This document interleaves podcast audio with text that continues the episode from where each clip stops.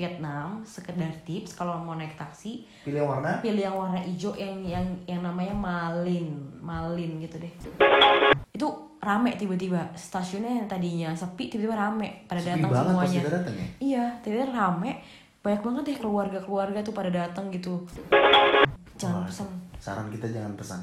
bukan karena nggak enak Karena nggak datang. karena nggak ada itu sumpah kita tuh bingung banget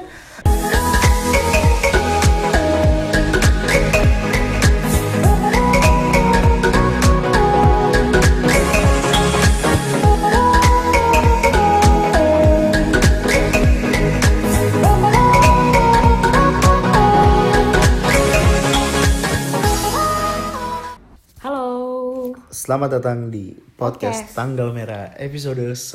sembilan yeay Yeay. Udah Episode 9. 9 hari ke-10 kita di ASEAN Trip. Yep. Ya, jadi kemarin kita udah cerita tentang Vietnam, banyak banget di tentang Vietnam kemarin.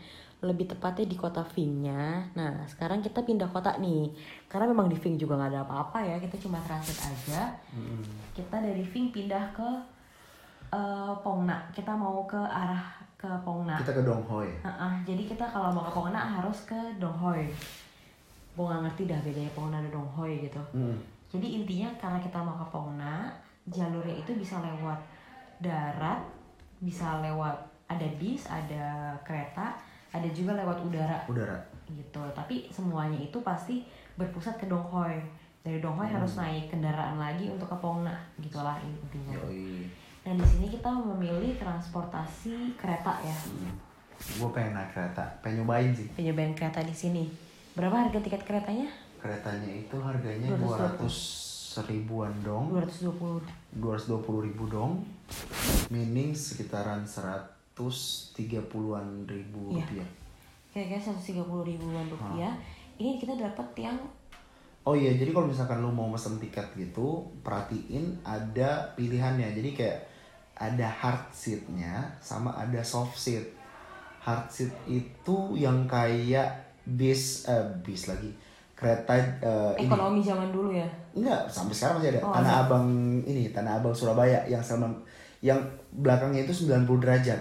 Oh. Nah. bukan belakangnya maksudnya Eh, sandarannya. sandarannya. Sandarannya itu 90 derajat nah kayak gitu, itu hard seat. Terus bener-bener kaku banget deh kalau misalkan di Indonesia kan masih ya agak-agak ada bantalannya gitu kan. Nah ini bener-bener kaku, itu hard seat. Kalau soft seat yang kita pilih itu yang kayak ya biasa, maksudnya yang kayak tempat duduk di bis yang bisa lo uh, ke Reclining, ya. ya reclining, bisa ya bisa enak lah buat duduk. Nah itu bedanya sih 100 ribuan dong Ya, sekitar 60.000 ribu bedanya kayak gitu kita pilih yang soft seat. kita ya. pilih yang soft seat kita naik dari Ving ke Dong Hoi It- Itu naik taksi. enggak dari Ving ke Dong Hoi Emang- Eh sorry sorry. kereta. Dari Ving ke ke stasiunnya kita naik taksi, murah Iya. kok taksinya. Jadi kalau di Vietnam sekedar tips kalau mau naik taksi pilih yang warna pilih yang warna hijau yang yang yang namanya Malin, Malin gitu deh. Eh, Malin. M A L I N H. ya maling Gitu. Maling taksi. dan itu kita dikasih tahu sama jadi kayak abis dari keluar abis check out dari hotel kita jalan dikit tuh ke arah Ke arah eh, depan lah, pokoknya depan kita lah. mau nyetop mau nyetopin taksi gitu Tapi kita kayak orang bego aja gitu. terus tiba-tiba dari arah belakang ada apa yang Bamba ya Iya kayak Rombongan ada Bamba kayak bantuin. kita uh, kayak dia dia tahu kali kita turis karena carrier kan Heeh. Kayak ngajakin ngobrol dan bahasa Inggrisnya lancar tuh dia Lumayan lancar.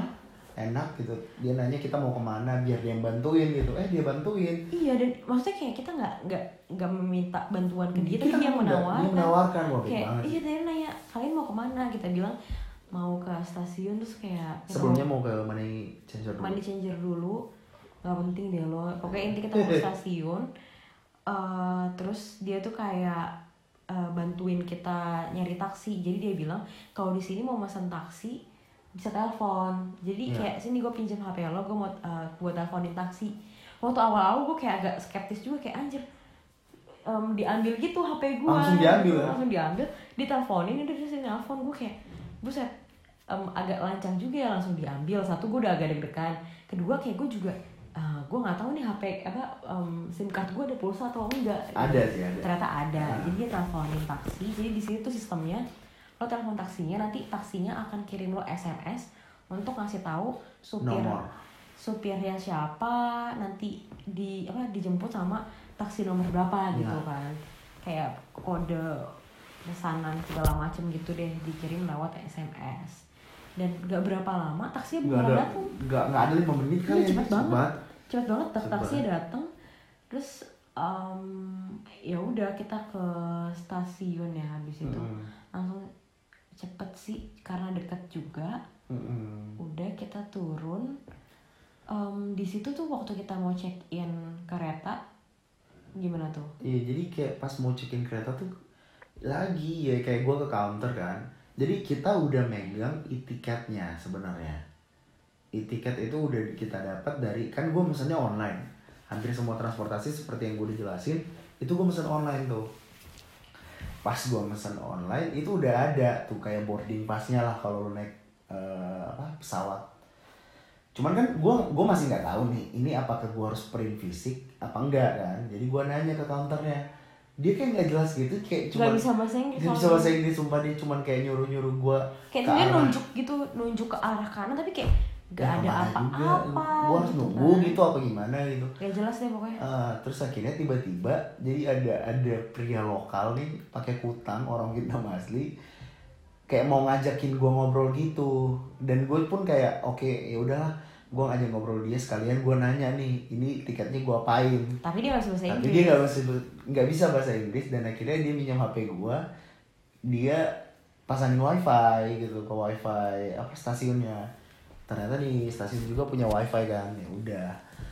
Pas udah kena wifi langsung dia buka Google Translate. Jadi kita kayak ngobrolnya pakai Google Translate berdua. Gue nanya dia ke mana dia ternyata sama tujuannya dia ke Donghoi juga. Terus dia bilang gue udah nyetak kartu apa tiket belum? Belum. Oh ya udah dia bantuin. Akhirnya dia bantuin ke self check in ya self check innya ternyata udah ada di situ dan ternyata di mesin bisa bahasa Inggris juga. Cuman gue nggak tahu kan di awal gimana. itu kayak welcome screennya masih bahasa masih bahasa Vietnam, Vietnam yang dan kita juga awalnya ada mesin di situ kita nggak ngerti itu apaan itu itu apaan? Bener bener. Gak ada bahasa. Nggak ada bahasa bahasa. Inggrisnya sama sekali soalnya. Terus akhirnya dia bantuin udah cetak bla bla bla ya udah. Akhirnya ngobrol-ngobrol lah tapi tetap ngobrolnya pakai Google Translate. anjir. Jadi dibantuin sama dia pokoknya semuanya sambil ngobrol-ngobrol juga terus keretanya juga sempet delay lama banget keretanya tuh 30 menit. 30 menit. Dan kebetulan ternyata em, it- itu tuh stasiunnya pas 10 menit sebelum keberangkatan keberangkatan yang di sesuai tiketnya ya bukan yang uh, delaynya. Itu rame tiba-tiba stasiunnya yang tadinya sepi tiba-tiba rame pada Sepi datang semuanya. datang ya? iya tiba-tiba rame banyak banget deh keluarga-keluarga tuh pada datang gitu. Kayak oh ini rame banget. Oh ya tapi kita mikir karena hari Sabtu. Itu hari Sabtu. Kita masih mikir oh Ah, lagi itu mau jalan-jalan kali. ya. Terus pas uh, lagi ngobrol-ngobrol-ngobrol kita ketemu bule gitu dia ternyata uh, kerja di Vietnam. Orang Australia. Orang Australia gitu. Terus dia bilang ternyata ini adalah liburan nasional gitu. Liburan nasional libur panjang. Libur Jadi, panjang. Vietnam itu mengalami dua hari libur yang berurutan. Jadi sebenarnya udah libur Sabtu Minggu nih, hari Senin mereka itu kejepit tanggal 29 besok. Terus tanggal 30 April itu mereka memperingati kayak hari libur dalam rangka kemerdekaan dia dari ini ya Paris apa apa gitu eh Prancis eh, Jerman reunifikasi dari Saigon itu jatuh. iya Gitu. apalah gue gitu ngerti sih Plus hari tanggal satu itu hari buruh di mana emang mereka salah satu yang kayak bener-bener inilah kayak ngerayain tuh hari buruh tuh bener-bener kayak gitu. Di Indonesia kan hari buruh libur baru-baru sekarang kan sebenarnya. Baru beberapa tahun ini tapi mereka udah nyelenggara apa ngerayain hari buruh ini udah lama banget. Mungkin karena emang nggak tahu sih gua apa, apa ada hubungannya dengan karena mereka negara komunis kali ya tapi gua nggak tahu sih. Jadi mereka ada hari libur lima hari itu full tuh lima oh hari. lima hari makanya rame banget tuh kereta sama anak Iya. bocah-bocah ibu-ibu. Waduh. Iya pasti kayak anjir pantesan rame banget. Ternyata nih orang-orang pada lagi mau liburan. Dan pas kita masuk ke dalam keretanya Astaga. Astaga. itu karena liburan keluarga jadi banyak banget yang bawa anak kan. Astaga. nah kalau anaknya kira-kira udah SD gitu masih enak mereka nggak berisik. Pada baca buku atau main HP tapi banyak banget yang bawa anak-anak balita dan batita dan ba ya balita dan batita yang kayak itu berisik banget minta ampun yang kayak mereka kepanasan beri kepanasan mereka teriak-teriak lapar teriak-teriak pokoknya segala macam teriak-teriakin deh dan ya bocah anjir gimana Iya paling berisik banget ya gue kayak astaga dan mm, even orang tuanya pun kalau ngobrol ya berisik gimana sih? iya Ya gitu deh. Udah gue nggak bisa tidur banget ya pakai di situ gara-gara berisik banget. Terus juga sebelum sebelum masuk ke kereta kan kayak gue eh lihat nih orang-orang yang pada datang tuh kan banyak juga cewek-cewek datang itu kalau lo lihat sama sekali semua ceweknya kalau di luar kena matahari mereka bener-bener full protection cuy. Kayak lu pakai lengan panjang tangan lengan panjang em, celana lengan, celana panjang pakai masker pakai kacamata pakai topi pokoknya gimana caranya sampai kulit lo tuh jangan sampai kena matahari Iya. bahkan di sana tuh banyak banget gue ngeliat cewek-ceweknya tuh pakai baju yang full cover gitu loh yang kayak ini kayak just kayak gue kalau ngeliat di sana orang-orang kalau cewek naik motor itu pakai baju yang sama jadi tuh kayak jas gitu tapi jasnya panjang bisa menutupi semua Full body. tubuh terus ada kayak kupluknya dan kupluknya itu tuh em, bener-bener menutupi muka. Bahkan kalau lo lihat ada masker yang nutupin seluruh muka kecuali mata sama hidung. Itu bener-bener wah gue ngeliat ini kayak orang-orang Vietnam bener-bener nggak mau banget kena matahari. Iya, takut takut nggak putih kali ya. Iya gue emang mereka terlahir putih-putih gue gue ngeliatnya tadi. Dan mereka yang menjaga mereka tetap putih sih. Jadi bener-bener nggak mau banget kena matahari. Tapi jadi kayak aneh aja gitu bener-bener gue kalau ngeliat cewek-cewek pada naik motor nih siang-siang pasti pakai jaket itu. Jaket yang sama. Jas motor kali itu. Udah udah common banget ya pokoknya. Semua orang pakai itu. Aneh banget. Ini Oh, iya. perjalanan ke Donghae berapa lama? oh iya gue gue baru mau bilang itu juga tuh. Donghoi ke eh sorry. Ving ke Donghoi. Donghoi itu ditempuh dalam waktu 4 jam kereta. 4 jam 15 menit gitu Iya, dan ini keretanya menurut gue jalan lalat banget sih. Gue ngeliat parah lewat banget Lalat udah kayak banget. kereta wisata anjir Iya, kayak pantesan kagak nyampe-nyampe anjir 4 padahal emang deket Iya, deket, padahal harusnya anjir. dekat. kayak Jakarta Bandung tuh berapa jam sih? 3 jam ya? Iya, 2 jam 3 jam. Bahkan lebih dekat dari Jakarta Bandung kali tuh jarak itu kayaknya. Oh iya. Iya. Cuman emang jalannya aja pelan banget. Iya, keretanya tuh jalannya pelan banget. Oh, parah. Terus pas di kereta sebenarnya kita juga sempat pesan makan. Kayak ada bapak-bapak keliling buat kasih tiket karcis makan gitu kayak Jangan "Eh, pesan." makan nggak?" Jangan Wah, pesan. Saran kita jangan pesan. Bukan karena nggak enak, Karena nggak datang. karena nggak ada itu sumpah kita tuh bingung banget gimana ya? mau nanya mereka nggak ngerti wah parah mereka tuh nggak bisa banget bahasa Inggris yang wah ini makanan nggak jelas banget entah kita ngambil sendiri apa mereka akan datang itu nggak jelas. Dan kalaupun ngambil di kalau ngambil lo ngambil di mana kita juga nggak tahu. Nggak tahu. kayak parah banget itu nggak datang. Untung kita cuma beli satu. Waktu si Iqbal beli tuh gue udah bilang beli satu aja dulu gitu kan. Iya. untung nggak beli dua anjir. Sebel banget. Parah sih. gak datang. Mungkin dia datangnya lama kali ya. Jadi itu sebenarnya keretanya masih lanjut Masih terus. lanjut. tapi kita di tengah-tengah tapi kita di tengah-tengah itu udah turun di Donghoe Yoi. jadi dia lanjutin kereta mungkin datang makanannya baru datang setelah itu. Tapi kita udah keburu turun gimana ya? Ya udahlah Ya udahlah ikhlasin aja 35 ribu dong. Aduh. jadi setelah itu kita itu sem em, sempat makan dulu bentar setelah ada dari kereta. Habis itu kita naik taksi buat ke hostelnya. Ke Pongna. Ke Pongna. Itu sebenarnya ke Pongna lumayan jauh banget sih satu jam. 40-an kilo ya? iya kali ya nggak pokoknya intinya 40 ya 47 kilo Oh iya. itu 47 kilo dari Donghoi ke Pongna Yoi. dan kalau taksi itu sebenarnya taksi yang hijau kemarin gua naik itu ada tulisannya 10 ribu. 10.000 per kilometer Hmm. Meaning kan berarti 470 ribu dong kalau Kita kalau pakai taksi kalau kita pakai taksi dan kita emang naik taksi sih dan ditawar-tawar-tawar dapat 400 ribu lebih murah dari seharusnya Iya. ya kan lumayan ya udahlah kita naik taksi aja lagian jauh juga mau naik apa Iya. ternyata pas googling googling googling gue dapet ini ternyata sebenarnya tuh bisa ini naik bis, Bis. dari Donghoi ke Pongna. Itu cuma 60.000 ribu dong Yoi, 60 ribu dong. iya tapi ya udahlah kita udah terlanjur naik taksi Betul. sampai di Pongna kita ada di hostel gitu ya kayak guest Iya, house gitu Guest namanya house. Green Riverside Cozy Home. Uh-uh, jadi kita ke Pongna ini tujuannya keesokan hari kita mau caving Betul. jadi Pongna ini tuh emang udah terkenal isinya banyak banget cave Berapa ratus, Fe? ada 300 lebih Ratusan. lebih dari 300 Harusnya lu jawab gitu.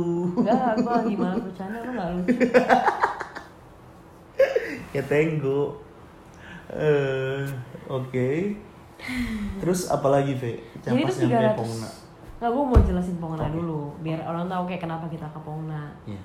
jadi ini emang kita udah ngidam pengen ke Pongna karena di sini banyak cave ada lebih dari 350 cave dan kita tuh sebelumnya udah pesan cave uh, mau ke Paradise Cave sama Dark Cave Dan jadi Paradise Cave ini emang turisti abis jadi kayak foto-foto. foto-foto aja dan emang itu gede gitu Paradise eh, Paradise Cave ini dan abis Paradise Cave abis foto-foto dilanjutin sama Dark Cave Dark.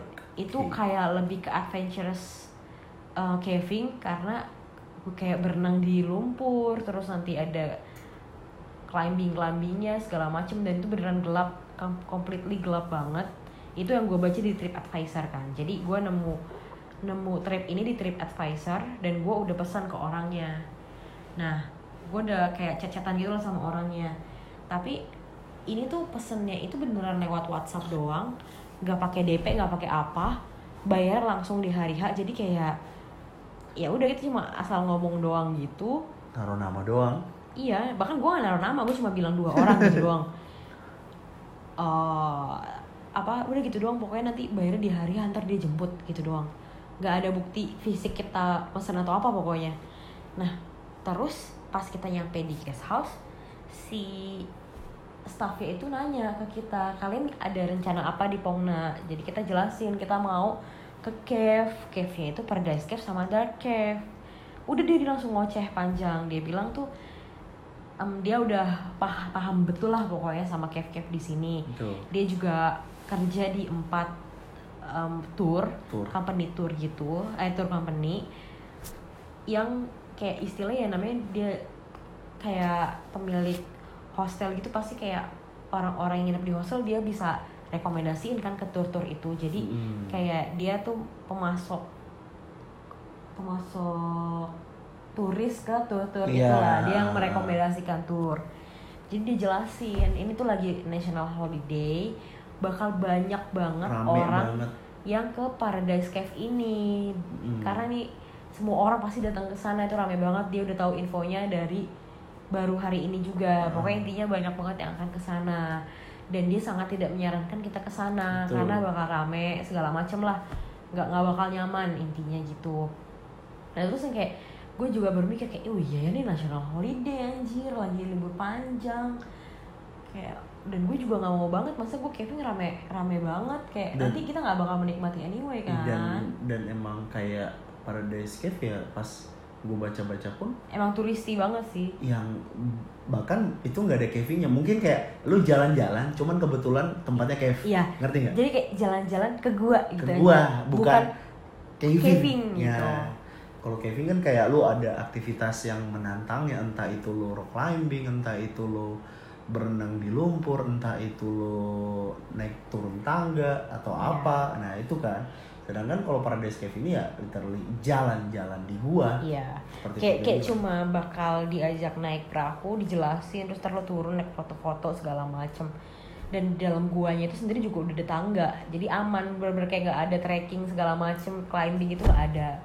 Nah tapi kan yang jadi tuh sebelumnya gue udah pilih tour ini karena ya gue nggak tahu anyway kan kalau kondisinya seperti apa. Dan yang gue tahu tuh sebelum gue nyampe sini ya kan gue googling googling yang gue tahu tuh emang banyak banget cave. Jadi waktu gue mau mau decide cave mana itu juga kayak pusing aduh cave yang mana ya? Kayak udahlah asal pilih aja gitu yang kayak wah ini aja nih kayaknya seru nih ada dark cave-nya soalnya. Karena dark cave-nya ini lumayan emang ada activity-nya yang kayak swimming trekking climbing itu masih ada kalau di, di dark cave ya udah kita asal pilih aja yang itu. Karena bingung banget ada banyak banget dan gue nggak tahu nih bedanya apa. Terus yang yang bagus yang mana nggak tahu. Pas sampai di Guest house. guest house ini baru dijelasin. Dia ngejelasin segala macemnya. Pokoknya dia nggak merekomendasikan dan gue jadi kayak oh iya gue juga nggak mau deh jadinya. Terus gue tanya ya udah mana yang lo rekomend uh langsung dia bawa tuh segala kayak em, guidelines atau apa ya? Kayak kayak bukan selembaran tapi itu kayak buku tapi isinya banyak informasi tentang cave cave ya gitu. informasi cave-nya. Jadi jadi kan dia bilang Lebih dia jelas. kerja di empat company. Nah dia bawain tiga buku dari tiga company yang berbeda itu. Nah kalau satu company yang nggak dia bawa buku itu karena satu company ini cuma bawa uh, cuma menawarkan tour yang ke Hansondong which is Hansondong itu adalah cave paling gede di dunia. The Yeah. largest cave in the world. Dan ini gue juga udah tahu sih Hansondong ini emang the largest dan itu bagus banget tapi kita nggak punya waktu dan nggak punya uang Iya. butuh tujuh hari dan butuh uang 3000 dolar untuk mendaftar diri anda setahun sebelum Iya, jadi daftarnya harus setahun sebelum anjir. Iya. Udah setahun sebelum juga mahal, udah 3.000. gitu lama banget tujuh hari dan menurut gue itu pantas untuk masuk ke bucket list sih. Tapi itu next time karena untuk for now kita nggak nggak Iya. nggak punya resource yang cukup ya Iya. kalau gitu. 3000 dolar eh 3000 dolar mininya 42 jutaan Iya, dan kita tidak punya uang sebanyak itu. aduh Mohon maaf. mohon maaf mohon maaf Nah, jadi kita pilih uh, cave-cave yang satu hari satu hari aja lah dan karena emang kita nggak punya waktu banyak lagi kan. Iyalah. Di sini emang kita nge nge spend waktu satu hari aja dan sebenarnya tuh kalau mau um, caving itu dia nawarin banyak pilihan. Selain tujuh hari ada juga yang tiga hari, ada yang lima hari, ada yang dua hari. Itu terserah lo bisa pilih banyak. Dan cave pun banyak banget itu. Oh, gue udah kayak aduh, pusing banget pas milih tapi jadi kalau sama dia tuh dibagi kayak dibedain gitu um, tour ya apa cave yang turisti meaning yang kayak buat foto-foto doang Hmm. terus kayak nggak ada activity kayak gitu tuh yang turisti berarti sama yang lebih ke adventure yang lebih adventurous gitu yang ada climbingnya ada hikingnya trekking ke uh, swimming segala macem. Nah ada Betul. di situ. Nah kita pengen yang lebih adventure karena ya buat apa juga kalau foto-foto doang gitu nggak dapat pengalaman juga yang spektakuler. Kita pengen yang kayak um, ada kegiatan yang serunya gitu ya. Iya, dan dia tuh sangat merekomendasikan merekomendasikan si Rukmong. Rukmong Cave. Jadi Rukmong itu nggak tahu. Kalau gue dan Vega mana apa kayak menebak-nebaknya Rukmong itu Rock Mountain ya. iya rock rock Ruk, ruk, rock, rock. Karena emang ya ini nanti akan kita ceritain nanti sih sebenarnya pengalaman Iya, caving ini. Cuman kayak setelah ya dilihat dari gambar sih kayak bebatuan dan dia kayak pegunungan gitu ya. Mungkin mungkin itu Rock Mountain tapi kita nggak tahu. iya jadi kayak gunung batu gue yang Iya. kayak nggak tahu. Dan di Rukmong Adventure ini paketnya sih menurut gue lengkap karena kita ada trekkingnya, trekking hutan, terus ada apa ada cavingnya. Dan cavingnya tuh kalau dibaca lengkap. lengkap sih maksudnya peralatan yang mereka peralatannya sediain. bagus. Itu profesional banget sih menurut gua. Dan bahkan apa ya Pokoknya sih lengkap gua sampai makan pun juga ada. Baju dikasih sepatu dikasih pokoknya semua lengkap lo tinggal bawa diri aja sebenarnya iya. di situ. Dan ini yang menurut gue yang membedakan dengan caving caving di Indonesia dan di ya kenapa? Ya, ya ah, terus? Iya enggak maksud gua ya gua harus ngasih tahu dong karena beda adalah ketika lu di sana di Indonesia ya apa ya nggak nggak selengkap ini lu lu dapatnya apa aja lu udah eh, apa foto-fotonya kayak gimana? Itu tuh nggak nggak sebagus ini informasinya. Sedangkan ketika kita nyampe sini itu menurut gue tuh wah gila sih apa yang lu dapat itinerary-nya kayak gimana itu lengkap banget. Sampai ke hal-hal detail kecil sampai sepatunya disediain kos kaki kayak gitu-gitu loh menurut gua. Gimana ya? Lu kalau misalnya nggak ngomong sama si orang ini lu tuh kayak bingung banget milih kalau lo cuma nyari di internet ya. Kalau lo nyari di internet doang itu di TripAdvisor sebenarnya juga banyak um, lengkap.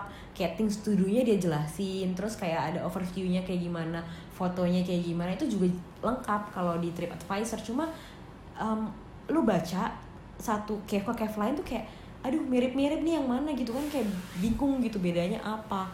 Tapi ketika lo ngomong sama orang langsung sama orang Vietnam yang langsung yang ngerti lo jadi tercerahkan gitu. Karena kalau TripAdvisor kan nggak ada orang yang bisa lo ajak ngobrol kan hmm. tinggal maksud gue. Jadi kayak lo cuma bisa nge-compare compare doang dari review orang dari deskripsinya segala macam cuma tapi lo nggak tahu sebenarnya apa yang dia tawarkan di dalam tour ini gitu. Nah di sini kita udah disaranin sama si orang itu Rukmong. Ya udah kita pilih Rukmong kan. Tapi sebenarnya tuh kayak dia ada banyak pilihan sih selain Rukmong. Itu tuh ada beberapa cave lain yang kalau kan yang tadi gue udah bilang ada yang turisti ada juga yang adventure. Kalau yang turisti itu yang kayak Paradise Cave, Pongna Cave gitu gitulah pokoknya hmm, dia pasti jelasin yang mana yang turisti mana yang enggak.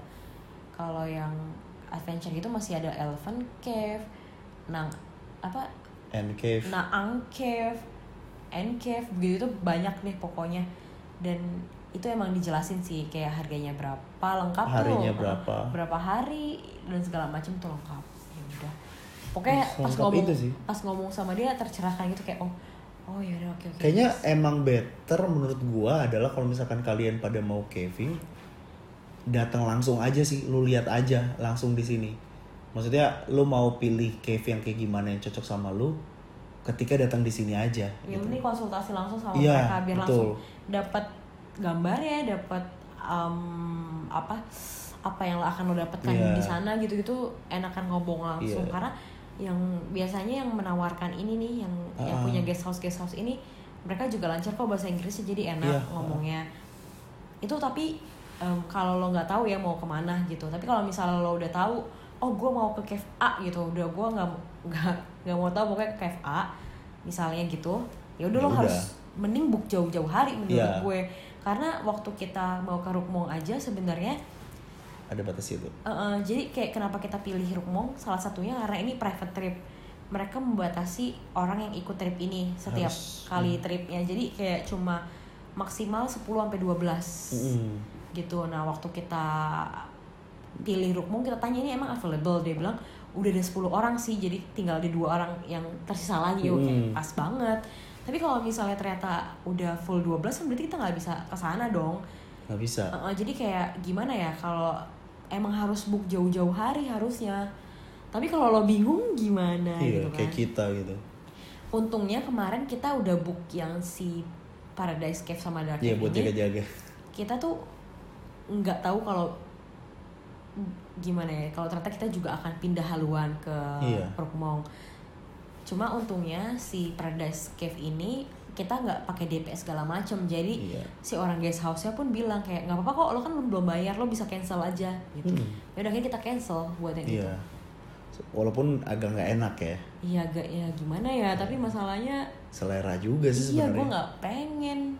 Soal gue yakin banget nih gue udah kebayang kalau yang turisti-turisti itu tuh yang datang banyak kan orang lokal. Iya emang. Pasti deh gue kayak dan gue tuh agak malas sama orang lokalnya berisik banget dan berisik kayak heboh deh kasih tahu dong harganya berapa kita? Oh ya buat si hmm, Rukmong, ini yang kita pilih. yang kita pilih itu 1,65 dong. 1,65 juta. iya. Kalau rupiah tuh kira-kira 900 ribuan. Iya. tapi menurut gue worth it. Besok kita ceritain buat buat iya. kayak Ntar kita ceritain. full um, experience-nya kayak gimana. Tapi kalau misalnya choosing which one yang mau lu datengin nih cave mana yeah. ya ini yang tadi gue bilang lu bisa uh, langsung konsultasi sama yeah. si iya. orang um, turnya aja yeah. mereka tuh lebih ngerti Betul. atau sebenarnya ngomong sama orang guest house aja mereka biasanya juga um, kerja sama sama semua turnya sih uh, uh, uh, uh, uh gitu dan karena kayak kalau kalau misalkan kita gitu kita yang bilang kayak udah lu ke Rukmon aja ya kita belum ada capability untuk bilang itu karena kita baru nyobain satu dari 350-an kan kayak kita nggak tahu nih elephant cave yang bentuknya kayak gimana kayak gitu jadi Iya kalau misalkan lu tanya, tapi Rukmon lu gimana berdua? Seru nggak? Seru banget. Ya besok kita ceritain. Kita bisa bilang kalau itu seru banget. Karena si guys, uh, sorry si owner guest house ini juga sangat menyarankan Rukmong Iya. karena selain private ini baru Strongly sedikit recommended. iya Yoi. masih sedikit juga orang yang ke sana gitu Yoi.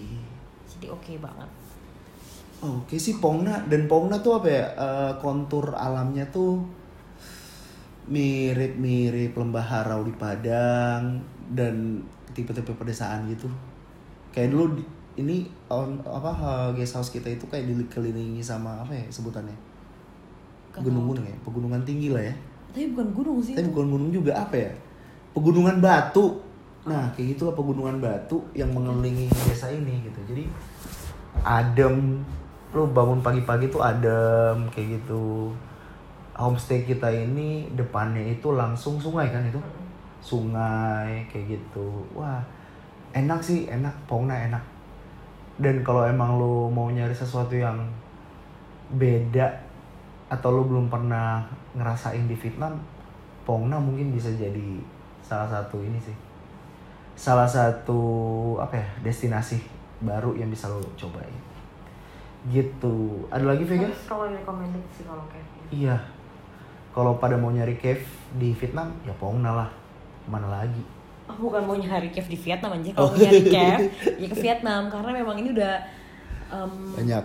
bukan banyak kayak udah pusatnya cave lah Oh iya. ini Udah semua cave ada di sini terbesar dunia Iya, sama cave yang terbesar- keempat. Iya, cave Terbesar. terbesar. di dunianya di sini gitu loh. Udah isinya tuh cave-cave banyak banget. Terus udah sih itu aja, Itu aja sih. kalau buat di sini. Episode ini. Nanti episode selanjutnya baru kita ceritain. Tentang serunya kita caving di Rukmong dan kira-kira worth it nggak ya ke Rukmong? Kira-kira sesuai ekspektasi nggak ya Iya. gitu kan? Nanti bakal dibahas di spot Spotify, di Spotify, podcast wow. selanjutnya. Iya, oke, jangan lupa apa? Dengerin podcast like, kita. comment, and subscribe. Kayak vlog anjir. Oke. Jangan lupa dengerin podcast kita selanjutnya. Kita pamit. Thank you udah mendengarkan. Bye bye. Bye.